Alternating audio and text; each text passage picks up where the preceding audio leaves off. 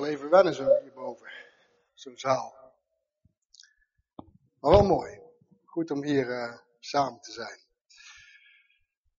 Fijn om bij jullie te mogen zijn, om wat te mogen delen van het woord van God vandaag. Het thema van deze prediking is Back to the Future. Nou, misschien denk je dan, jongen, waar gaat dat over? Uh, misschien heb je de film vroeger wel ooit gezien. Wie kent de film? Ja, dat uh, toch best wel veel vingers, ja. Waar gaat de film over? Tijdreizen, hè? Ja. Dat gaan we vandaag niet doen. Ben maar niet bang, we gaan geen tijdreizen. Maar we gaan wel een beetje heen en weer in de, in de tijd. En uh, het is de bedoeling dat aan het eind van deze prediking zal wel duidelijk worden wat ik daarmee mee bedoel. We gaan in ieder geval een beetje heen en weer in de tijd. Ik wil beginnen met een vraag. Een vraag aan jullie. Kennen jullie dat? Dat je iets nieuws hebt gekregen in je leven. Er is iets nieuws gekomen, of je hebt iets gekregen, of je hebt iets gekocht, of wat dan ook. En dat komt dan in je leven en daar ben je dan helemaal enthousiast over.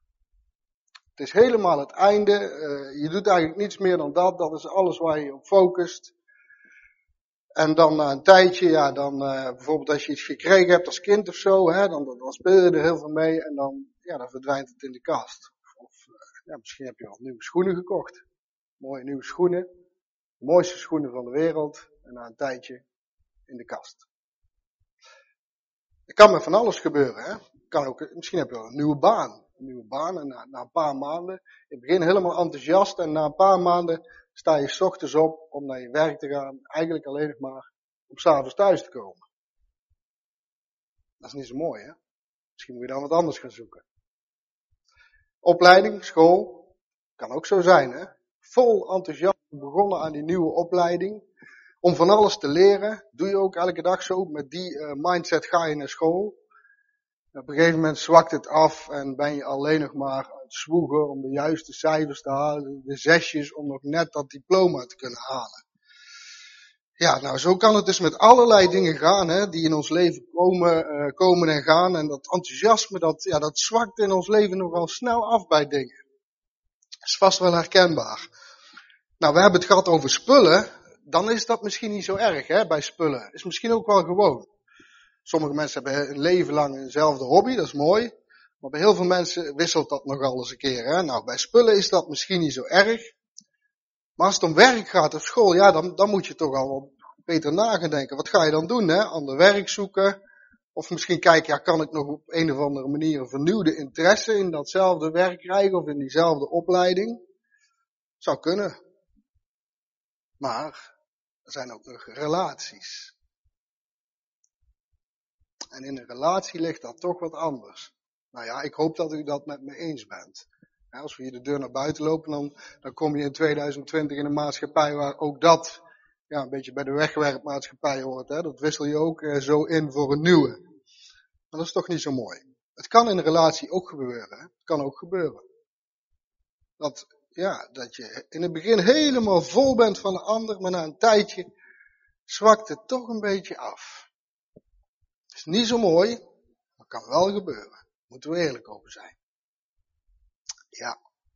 En het kan zelfs gebeuren in onze relatie met Jezus.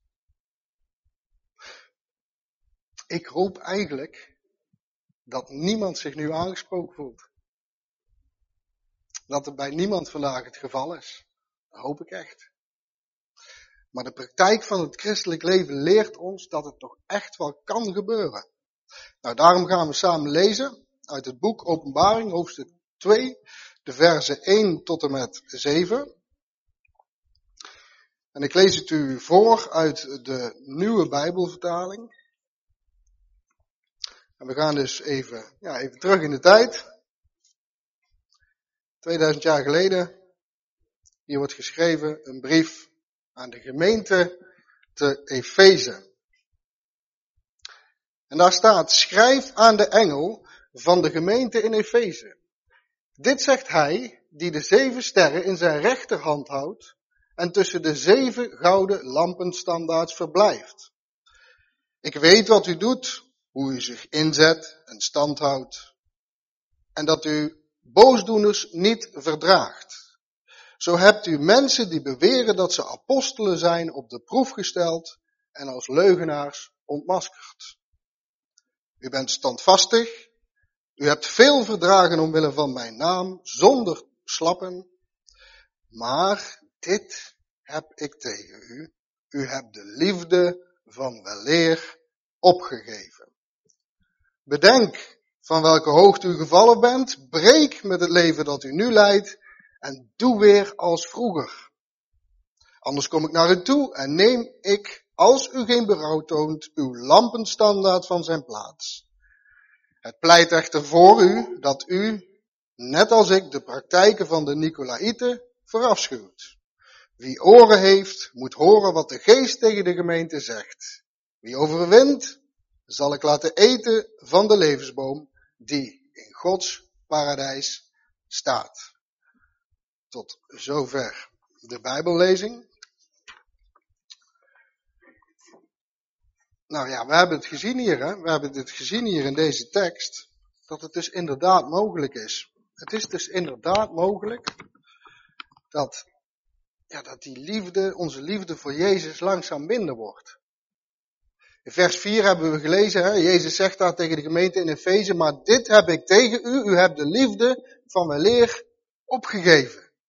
In de grondtekst staat letterlijk, maar ik heb tegen je dat je je eerste liefde, eerste protos, je eerste liefde hebt verlaten. De eerste liefde. Wat is dat voor liefde?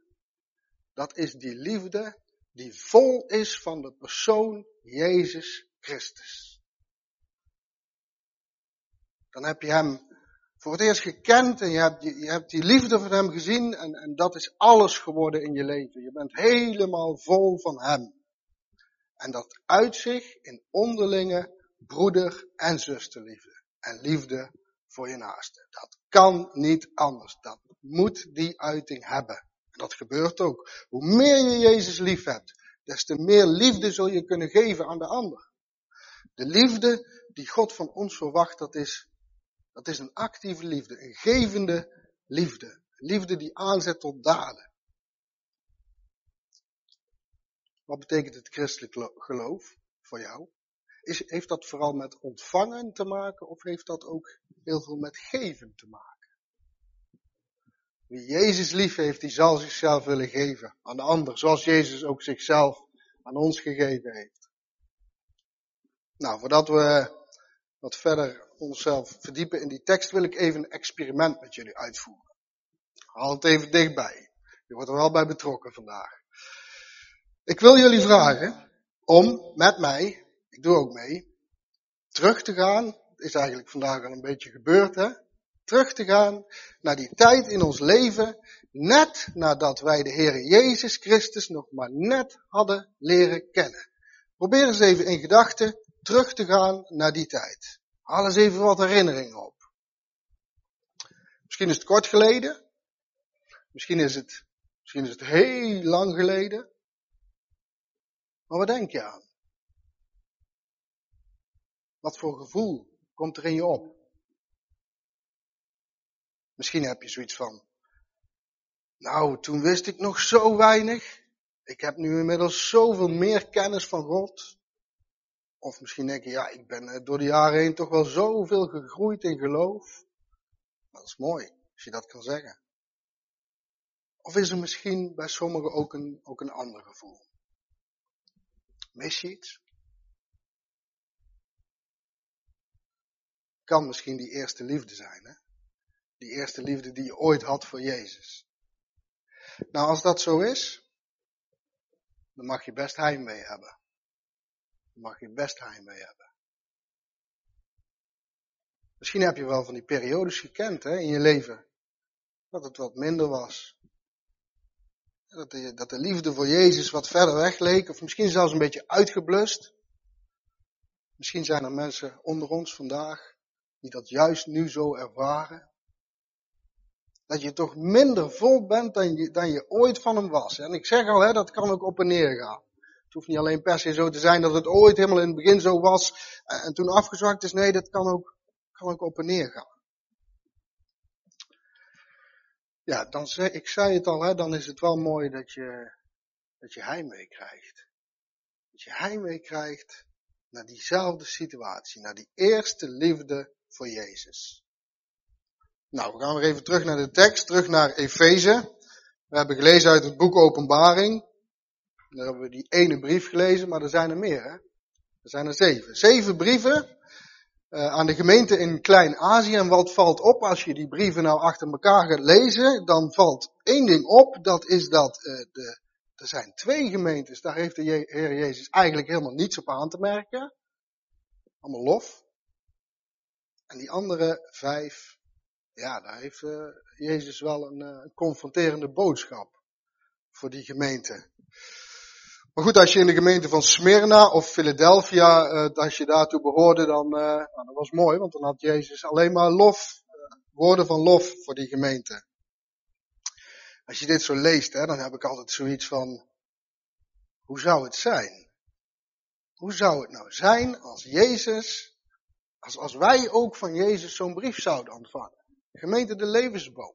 Stel je nou voor dat Johannes ook een brief moest schrijven voor de gemeente de levensboom in Uden. Wat zou er dan in staan? Wat zou hij, hè, want zo, staat het er steeds, hè, wat, wat heb ik voor je, wat heb ik tegen je? Wat zou hij voor jullie hebben, wat zou hij tegen jullie hebben? Als ik dat zo zeg, dat klinkt wel confronterend. Hè? Tegen, voor jullie klinkt heel mooi, maar tegen jullie, ja. Maar hij heeft het wel. Hè? Hij zei, er zijn meer gemeentes waar hij ook wat tegen heeft. Ja, zo is ook, zo is ook Jezus. Hè? Zijn woord is een, hè, scherp als een tweesnijdend zwaard. Misschien is het allemaal wel goed. Net als in Smyrna of Philadelphia. Nou, dat zou mooi zijn. Ik hoop het. Ik hoop het. Maar wat we dus zien hierin is dat Jezus kijkt dus naar de gemeenten. Toen, in Klein-Azië, zeven gemeenten. En geloof hij kijkt ook nu naar de gemeenten. Ook hier, vandaag. Hij kent u. Hij kent deze gemeente. Wat ziet hij? Hij ziet wat er gebeurt. Hij ziet met welke grondhouding alles gedaan wordt. Zo kijkt Jezus ook keek Jezus ook naar Efeze, naar die andere gemeente. En, wat ziet hij dan als hij naar Efeze kijkt? Nou, hij ziet, en zo begint hij ook, het is eigenlijk wel mooi dat hij met het goede begint.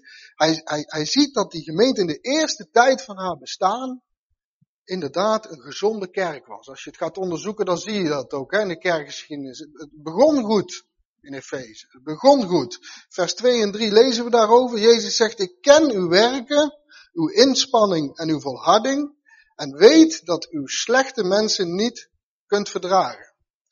Nou, u hebt dan op de proef gesteld, zegt hij, die van zichzelf zeggen dat ze apostelen zijn. Mag het niet zijn. U hebt ontdekt dat ze leugenaars zijn. En u hebt moeilijkheden verdragen en volharding getoond. Om mijn naam hebt u zich ingespannen en u bent niet moe geworden. Dat zijn de positieve woorden van Jezus over de gemeente in Efeze. En als je nou goed luistert, hè, als je goed leest, wat zie je dan? Dan, dan, dan zie je eigenlijk dat, dat in die woorden van Jezus, dat klinkt heel duidelijk door dat het in Efeze echt niet makkelijk was. Het was in Efeze niet makkelijk om een volgeling van Jezus te zijn. Want, nou, er waren boosdoeners. Kan lastig zijn hoor, als je maar boosdoeners om je heen hebt. Nou, dan kan je natuurlijk van, kan van alles zijn. Vul het maar in. Iedereen heeft wat te maken met boosdoeners. Valse apostelen. Ja, je moet je constant beschermen tegen allerlei invloeden, allerlei leringen, allerlei dingen die gezegd worden, misschien over de Bijbel. Is het wel waar? Of, of er worden andere dingen geleerd dan, dan die werkelijk waarheid zijn.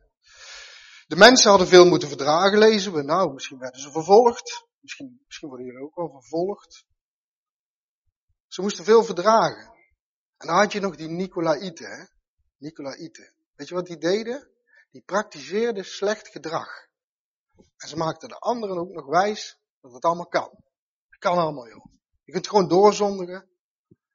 Je zonden worden vergeven. Het gaat ook niet om hier, om dit leven, om het lichaam. Het lichaam mag best verwaarloosd worden. Het gaat straks om dat verheerlijkt lichaam daar in het eeuwig leven. Dus doe, doe nou wat je wil. Komt allemaal goed. Dat, dat, dat deden ze dan in het kader van de christelijke vrijheid. Nou, dat is best moeilijk hè, als je die mensen om je heen hebt die dat zeggen. We hebben het net ook nog gehoord trouwens dat dat niet, uh, zo is het niet. Dat is niet wat de Bijbel ons leert.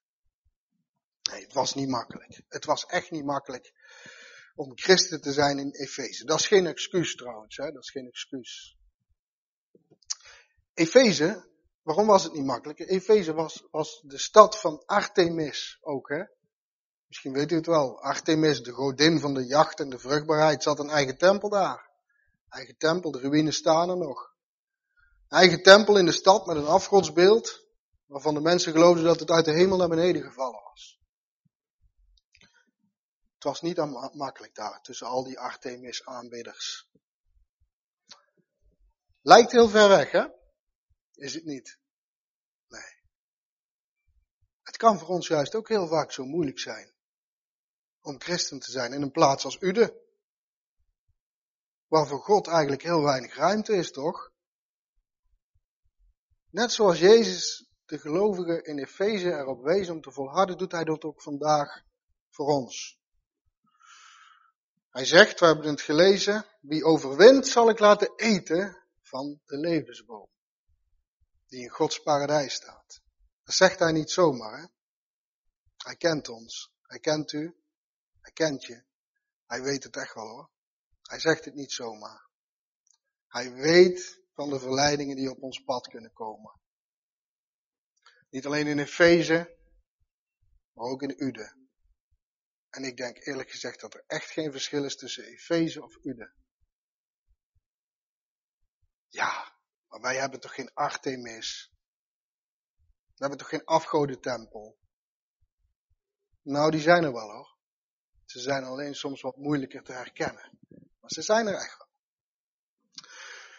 En toch positieve woorden over de gemeente in Efeze, want zo begon het. Hè? Een bruisende gemeente, zo mogen we het ons wel voorstellen. Zo was het daar.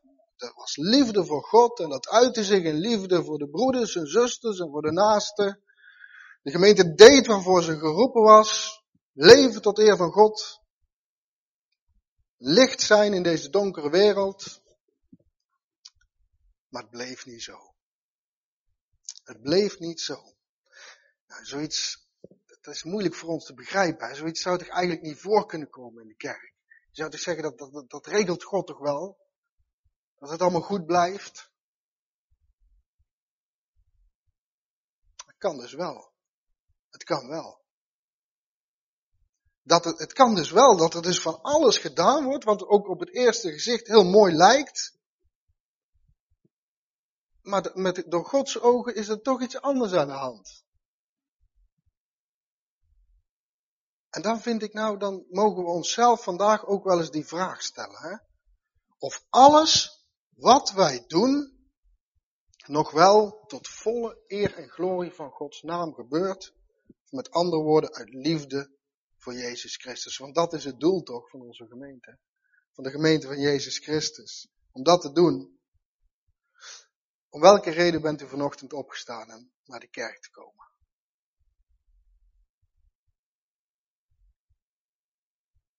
Omdat u de Heer Jezus lief heeft? Of omdat het zondag is? Op zondag gaan we gewoon naar de kerk, toch? Het is niet vanzelfsprekend. Dat alles wat je als christen doet per definitie vanuit liefde voor God, voor Jezus gebeurt. Het kan zomaar voorkomen dat kerk zijn op een gegeven moment een gewoonte of een verplichting wordt. En ja, soms zelfs een beetje met tegenzin gedaan wordt. Ja, en dan mogen we die vraag wel stellen. Is alles wat wij doen vanuit het diepste nog wel gedreven door onze liefde voor Jezus? Het kan van de buitenkant soms heel wat lijken, maar God, God die ziet het wel aan. Hè? Hij kijkt recht naar binnen bij ons. Hij kijkt diep in ons hart. En hij ziet met welke beweegredenen wij de dingen doen die we doen. Nou goed, in Efeze was het zo, hè. Ja, dat was het zo. Niet zo mooi. Ze hadden die eerste liefde verlaten. Gebrek aan naaste liefde is het resultaat. Het is één op één, hè. Die naaste liefde, dat gaat hem niet worden zonder de liefde voor Jezus. Komt daaruit voort. Wat zegt Jezus dan, als hij dat ziet, daar in Efeze, en ook tegen ons vandaag? Wat zegt hij dan? Als wij die eerste liefde verlaten hebben, dan zegt hij, bedenk van welke hoogte u gevallen bent, breek met het leven dat u nu leidt, en doe. Doe? Ja, doe. Doe weer als vroeger. Anders kom ik naar u toe. En neem ik, als u geen berouw toont, uw lampenstandaard van zijn plaats. Dat is wel heel erg confronterend natuurlijk, want wat is dat? Dat is de Heilige Geest. Maar hij doet dat niet meteen. En dat is Jezus. Dat is de genade van Jezus Christus. Hij laat ons eerst zien hoe het is. En hij zegt, breek met het leven dat u nu leidt en doe weer als vroeger. Het is heel bijzonder dat Jezus dat zegt. Want daarmee laat hij ook heel duidelijk zien wat er aan de hand is. Zij die de eerste liefde hebben verlaten, zijn dus een ander leven gaan leiden. Anders dan vroeger. Er is iets veranderd. Ze waren toen veranderd, nu is er weer iets opnieuw veranderd. Ja, ja wat moet je dan doen, hè? Wat moet je dan doen? Jezus zegt, ga terug. Ga terug. Waarheen? Hoe? Moeten wij, als wij dan anders zijn gaan leven, als we dus meer tijd gaan zijn besteden aan, aan andere dingen dan Jezus, moeten we dan gaan stoppen met die dingen en, en, en hè, met die nieuwe leefwijze die ons bij Jezus weghoudt? Uh, komen we dan dichter bij Jezus? Werkt het zo? Nee. Nee toch? Waarom werkt het zo niet? Nou, dat gaat gewoon tegen het principe van het evangelie in. Wat is dat voor principe? Nou, dat is het principe van het evangelie, dat het evangelie een levensveranderende kracht in ons leven is. Ja, en als die kracht dan langzaam verdwijnt uit je leven, dat los je dan niet op door zelf weer dat leven gaan proberen te veranderen. Daar was toch juist dat evangelie voor. Soms, soms vergeten we dat. We moeten eigenlijk een beetje analyseren wat er, wat er gebeurde. Hè? Toen, we, toen, we, toen we die eerste liefde hadden voor Jezus. Toen we zo vol waren van Hem. Wat, wat was er toen eigenlijk aan de hand? Wat gebeurde er toen met ons? Wat deed je toen die eerste liefde van Jezus jou overviel? Was je toen anders gaan leven voordat dat gebeurde? Gebeurde het daardoor? Nee. Het was toch het evangelie toen ook dat jou veranderde? Ja, dat was het. En daarom moeten we terug. Doe weer als vroeger, zegt Jezus. Waar moeten we dan terug naartoe? Moeten we dan terug naar het verleden? Nee. Moeten we, moeten we het van de toekomst verwachten? Nee. Ja. Nou, begrijp me niet verkeerd. Ook. Maar niet zo van, nou, ik ga de komende tijd ga ik er echt alles aan doen om Jezus meer lief te hebben. Ga ik echt doen. Een heel mooi voornemen, dat ga ik doen. Ik ga volgende week beginnen. Nou, over twee weken. Dat deed je toen toch ook niet zo, hè? Toen het toen die eerste keer die liefde van Jezus alles was in je leven, dat je helemaal vol van hem was. Had je toch ook niet besloten? Zo van, nou, dat ga ik nu maar eens doen. Ik ga, nu ga ik hem zo lief hebben. Nee, het gebeurde. Het gebeurde. Je had hem lief. Verwacht het daarom niet van morgen. Of van overmorgen of volgende week. Verwacht niet dat dit vanzelf morgen of overmorgen gaat gebeuren. Natuurlijk, en ik zei het al, begrijp me niet verkeerd hè. Uh, natuurlijk mag je uitzien naar een volmaakte tijd straks in de toekomst. Die nog gaat komen, een tijd waarin wij niets anders zullen kunnen doen dan Jezus liefhebben. Dat is er ook. Maar laat er alsjeblieft nu, hier, in dit leven, in het hier en nu, ook een goede balans zijn tussen datgene wat de Heer Jezus ons nog wil geven in de toekomst en datgene wat hij ons nu, in het hier en nu, al wil geven. Soms zitten we al zo lang te kijken zonder die eerste liefde, dat we eigenlijk, en misschien ook wel een beetje onbewust, eigenlijk niet meer geloven dat dat nu al kan. Op diezelfde manier als toen. Een beetje vergeten. Veel volgelingen van Jezus zijn vaak geneigd. Je hebt dan één groep, hè, die is heel erg geneigd om alles naar de toekomst te verschuiven, alles van de toekomst te verwachten. Die leven daarom eigenlijk te weinig in het hier en nu. En je hebt ook natuurlijk een hele een andere groep weer. En, en die, die halen het allemaal, al die beloften naar hier. Het gaat allemaal hier over het hier en nu. Maar volgens mij moet er een balans zijn. Er mag wel een balans zijn. Er mag wel een balans zijn. Maar als je alles vooruitschuift, terwijl Jezus ons hier nu ook al zoveel wil geven, ja, dan mis je wel wat hoor. Dan mis je wel wat. Weet je hoe je dat kan omschrijven? Ik ga er even een moeilijk woord voor gebruiken, ik ga het ook uitleggen. Je zou dan kunnen zeggen dat er te weinig sprake is van een eschatologisch bestaan. Een eschatologisch leven. Klinkt misschien ingewikkeld. Eschatologie, misschien weten sommigen het, een woord uit de theologie. Het gaat over de dingen van de laatste dagen. De eindtijd zouden we wel kunnen zeggen. Nou, misschien is dat eigenlijk wel een beetje te kort gezegd, want dan schuiven we het weer hè, naar, naar, iets wat nog moet komen. Maar eindtijd, volgens mij is het begonnen toen, uh, nou misschien wel bij, de, bij, het kruis, bij de opstanding, of misschien wel toen de tijd begon te tikken, toen uh, Adam en Eva uit het paradijs gingen. Een, een tijd die eindigt, zo zou je het ook wel kunnen noemen, hè? eindtijd. Eschatologie gaat over de dingen van de laatste dagen. Er, worden, er wordt in de Bijbel nogal wat gesproken hè, over de dingen van de laatste dagen, beloften van God. Dingen die nog moeten komen, dingen die al zijn gebeurd. Dat is goed om daarbij stil te staan. Hè. Het is goed om ons te realiseren, voor degenen die alles al naar hier toe halen, is het goed om te realiseren dat de wereld waarin we nu leven niet de wereld is die God uiteindelijk aan ons wil geven. Het mag toch wel duidelijk zijn als we om ons heen kijken, in deze wereld van gebrokenheid. Eschatologie is meer dan alles van de toekomst verwachten.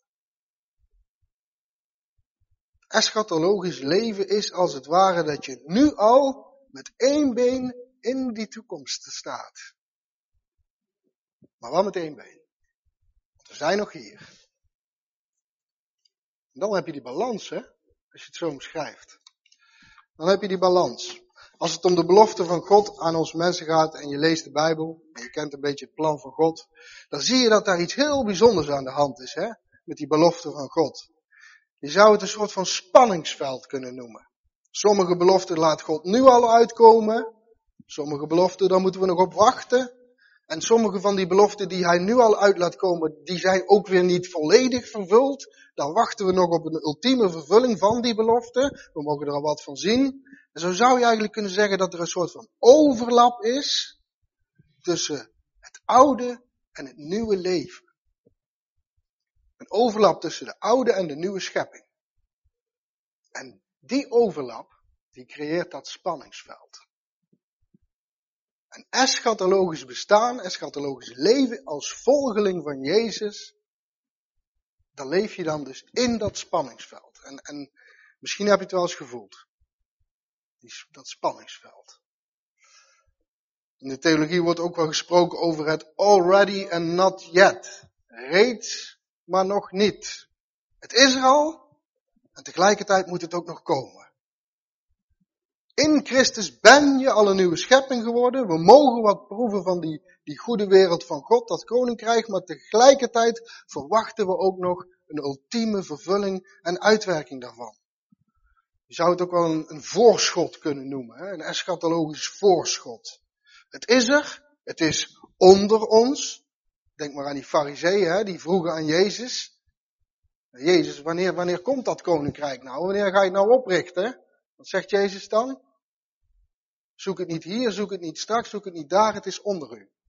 Het is binnen uw bereik. In een bepaald opzicht is het binnen uw bereik, maar nog niet alles. We verwachten het dan alleen nog maar van de toekomst. Soms, soms leven wij te veel. Kijk, als je nou dat, dat reeds en nog niet, dat spanningsveld, daar moet je ook een balans in vinden. Soms leven we te veel in het nog niet. Of zijn langzaam steeds meer in het nog niet gaan leven. En is eigenlijk dat alles, hè, we verwachten dan alleen nog maar alles van de toekomst. Nou, ik zeg vandaag tegen u, u moet terug. Terug naar die toekomst. Daarom zei ik back to the future. Terug naar datgene wat Jezus ons toen al gegeven had. Back to the future. Toen jij die eerste kennismaking met Jezus had, toen was je verwonderd toch? Je was toch verwonderd over zijn liefde voor jou? Dat is belangrijk. Dat is belangrijk vandaag. Zijn liefde voor jou deed jou opnieuw geboren worden. Herkenbaar? Je was een nieuwe schepping geworden. Je zou kunnen zeggen, hè, dat je, wat ik net zei al, dat je met één been in die toekomst stond. Dat toekomstige koninkrijk was toen al onder je, het was al binnen je bereik. Terug naar de eerste liefde is daarom terug naar de toekomst. Terug naar die tijd toen je leefde als nieuw schepsel, gericht op de toekomst en tegelijkertijd al levend in die toekomst. Omdat het al binnen je bereik is. Je keek vooruit naar wat nog komen gaat en tegelijkertijd bestond je al als een hemelse realiteit. Eschatologisch bestaan. Maar dat bestaan van een volgeling van Jezus bevindt zich dus in dat spanningsveld. Van het reeds en het nog niet. Wij zijn, wij zijn nieuwe schepselen, maar we hebben toch nog steeds te dealen met die oude mens. Met die oude schepping. Nou, dat is dat spanningsveld. En misschien herkent u het wel. Die oude schepping die leeft nog voort, terwijl herschepping al begonnen is. Herschepping begon zou je kunnen zeggen, bij het kruis en de opstanding. Maar die oude schepping die bestaat ook nog steeds. En dat zien we om ons heen, hè? Dat, dat zien we om ons heen. Jezus is begonnen met herscheppen, maar het is nog niet volmaakt. Het is nog niet volmaakt. Totdat hij terugkomt. En precies daartussenin, eerste komst, tweede komst, is dat spanningsveld waar de volgeling van Jezus in leeft. Nou, het kan zomaar zo gebeuren, zo zijn, dat in dat spanningsveld de oude mens langzaam weer de overhand gaat krijgen. Nou, dan lijkt zo'n eschatologisch bestaan heel ver weg. Wat gebeurt er dan? Ja, dat gebeurt er dan. De liefde dooft uit. Je merkt het in jouw liefde voor je naaste. Je liefde voor Jezus. Ja, dan moet je je tijd met andere dingen gaan vullen. Dat doe je ook. En dat is een soort van wisselwerking. Hè? dan is er niet meer zoveel tijd voor Jezus. hoe kom je dan ooit weer terug bij die eerste liefde? Als die, als die nieuwe mens worstelt met die oude mens en die oude mens dreigt te winnen. Of meer aanwezig lijkt te zijn. Wat moet je dan doen? Nou, wat deed die oude mens toen hij voor de eerste keer van Jezus hoorde? Moest hij daar heel veel moeite voor doen? Om Jezus lief te hebben toen? Nee, het gebeurde. Ik zei het al, het gebeurde. Je werd veranderd door de kracht van het evangelie. Omdat hij jou lief had. Omdat je dat mocht zien. Je zag zijn liefde. Daarom kon je hem lief hebben, toch? Of kunnen jullie op een andere manier Jezus lief hebben? Je moet toch eerst zijn liefde voor jou hebben gezien. Dat is zo belangrijk in de boodschap van vandaag. Eigenlijk is dat ook hetgene wat je mee naar huis moet nemen. Ik ben eigenlijk wel blij dat als dat eenmaal zo gebeurt, hè, als je nou die eerste liefde van Jezus kwijt bent. Als, als je ooit die liefde van Jezus geproefd hebt, die, die eerste liefde dan zal het oude leven nooit meer hetzelfde smaken als tevoren. Toch? Nee. daar ben ik heel blij mee. Dat is niet voor niks. Dat is niet voor niets. Want dat doet ons verlangen. Dat doet ons verlangen naar die eerste liefde van Jezus. Hebt u dat verlangen ook? Ik ook. Zou het mogelijk zijn? Om weer diezelfde liefde te hebben die je ooit voor Jezus had. Denk maar even terug aan het, hè, we hebben straks gezegd aan het begin, nou, misschien moeten we het anders zeggen. Denk maar aan het hoogtepunt. Iedereen heeft misschien wel zo'n periode, ja toen, toen was ik vol van Heer Jezus. Ik kon het nergens anders over hebben. Zou het kunnen? Ja. Zeker is dat mogelijk. Anders zou Jezus het niet zeggen. Het is mogelijk. Het is mogelijk. Je kan Jezus net zoveel lief hebben als toen. Weet je waarom? Omdat Jezus nog steeds dezelfde is. Hij is niet veranderd. Wij zijn misschien veranderd. Je stond met één been in de toekomst. Misschien is dat, dat leven als toekomstig vernieuwd schepsel langzaam een beetje weggeëpt en geloof je daarom niet meer dat het nog kan. En daarom zeg ik, back to the future. Terug naar de toekomst, terug naar dat eschatologisch bestaan. Laat het evangelie net als toen jou weer opnieuw veranderen. Wat bedoel ik daarmee? Laat je vandaag nog, hier en nu, opnieuw veranderen door de liefde van Jezus Christus. Net als toen, want zo gebeurde het toen. Ga terug naar diezelfde Jezus. Hij is gewoon nog steeds dezelfde. Hij is niet veranderd. Dat betekent dat het het gewoon nog kan. Hij is niet veranderd. Ga daarom ook niet zoeken op een andere manier dan je het toen vond. Zoek jouw liefde voor Hem in Zijn liefde voor jou. Meestal neem je één regeltje mee uit een preek. Laat het dit regeltje zijn. Zoek jouw liefde voor Hem in Zijn liefde voor jou. Daar is het te vinden, nergens anders. Daar is het te vinden. Want door Zijn liefde worden onze levens vernieuwd. En zijn wij nieuwe schepselen geworden, waardoor we eschatologisch kunnen bestaan. Leven met zo'n hoop, zo'n eschatologische hoop, is leven in deze oude schepping. Inderdaad, met één been in de toekomst. Met één been in het eeuwig leven. Leef het evangelie. Dat kan alleen op die manier. Dat doe je niet door te strijden tegen die oude mens. Dat doe je zo niet. Dat gaat niet. Dat lukt niet. Dat doe je ook niet door, door te proberen Jezus lief te hebben. Dat kan maar alleen maar door jezelf open te stellen voor de liefde van Jezus. En je daardoor te laten veranderen van binnenuit. Ik neem jullie om het af te sluiten nog even mee naar uh, het Oude Testament, 2 Koningen, hoofdstuk 6. Daar heb je dat verhaal van die, die leerlingen van de profeet Elisa. En die waren hout aan het hakken. En uh, nou, er was er eentje en die had, een, uh, die had zijn bijl. En, en hij was het ijzeren gedeelte van de bijl op een gegeven moment verloren. Hij was het kwijtgeraakt. Nou, die, die leerling van Elisa die had kunnen denken van, ik blijf gewoon doorslaan. Ik blijf gewoon doorslaan en, en ik hoop dat niemand zal merken dat ik het belangrijkste deel van mijn bijl uh, verloren ben. Zou die kunnen doen. Maar hij deed het niet. Wat deed hij? Hij riep zijn meester om hulp. En Elisa zei, breng me naar de plek waar je de bijl als laatst gezien hebt. De leerling deed het en bracht Elisa naar de plek waar de bijl in het water gevallen was. En daar deed Elisa een wonder. Hij liet de bijl boven drijven.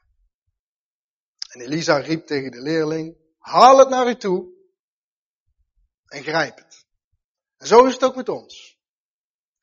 Hebben wij de eerste liefde van Jezus verlaten? Ga met hem terug. Ga met hem terug naar die dagen dat je vol was van liefde voor hem. Je kan het jezelf niet geven. Maar Jezus Christus is meer dan bereid om opnieuw een wonder in je hart te doen en je die liefde terug te geven. Hij zal het boven komen laten drijven. En hij zal zeggen, hier is het, grijp het en doe er wat mee. Zoals die leerling van Elisa geen hout kon hakken met een halve bijl, zo kan je als dienaar van Jezus Christus hem niet dienen zonder de juiste dosis liefde voor hem. Wij hebben het topje van die bel nodig, mensen. We hebben het topje van die bel nodig. Dat is onze slagkracht. Ook naar de buitenwereld toe. Daaraan zullen ze zien dat we Jezus lief hebben en dat we onze naasten lief hebben. Dat is getuigenis in deze wereld. Als je de eerste liefde voor Jezus verlaten hebt, dan wil Jezus niet dat je zo verder leeft. Dat wil Hij niet. Je kent vast wel dat je als kind dat, dat ene speelgoed had, hè? Daar was je helemaal blij mee, je deed wekenlang niets anders. Je stond er misschien wel vroeger voorop, om nog net even voor school. Kan ik mezelf nog wel herinneren, met een of andere racebaan. Dat je voor school, mama mag ik wat vroeger opstaan, dan kan ik nog even met die racebaan spelen voordat ik naar school ga. Wekenlang deed je niks anders met dat speelgoed. En na een tijd verdween het in de kast. Je keek er niet meer om. Een hele tijd later denk je er weer aan. Oh ja, die racebaan.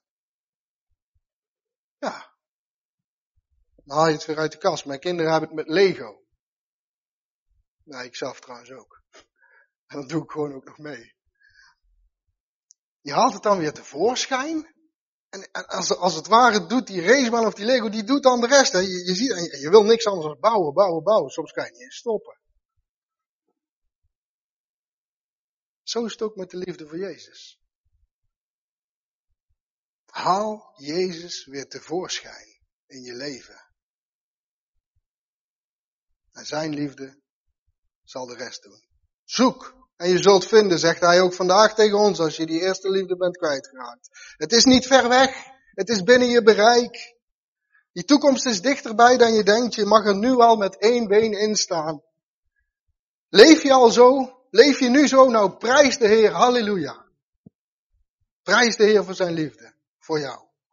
Ben je het even kwijt? Ga terug.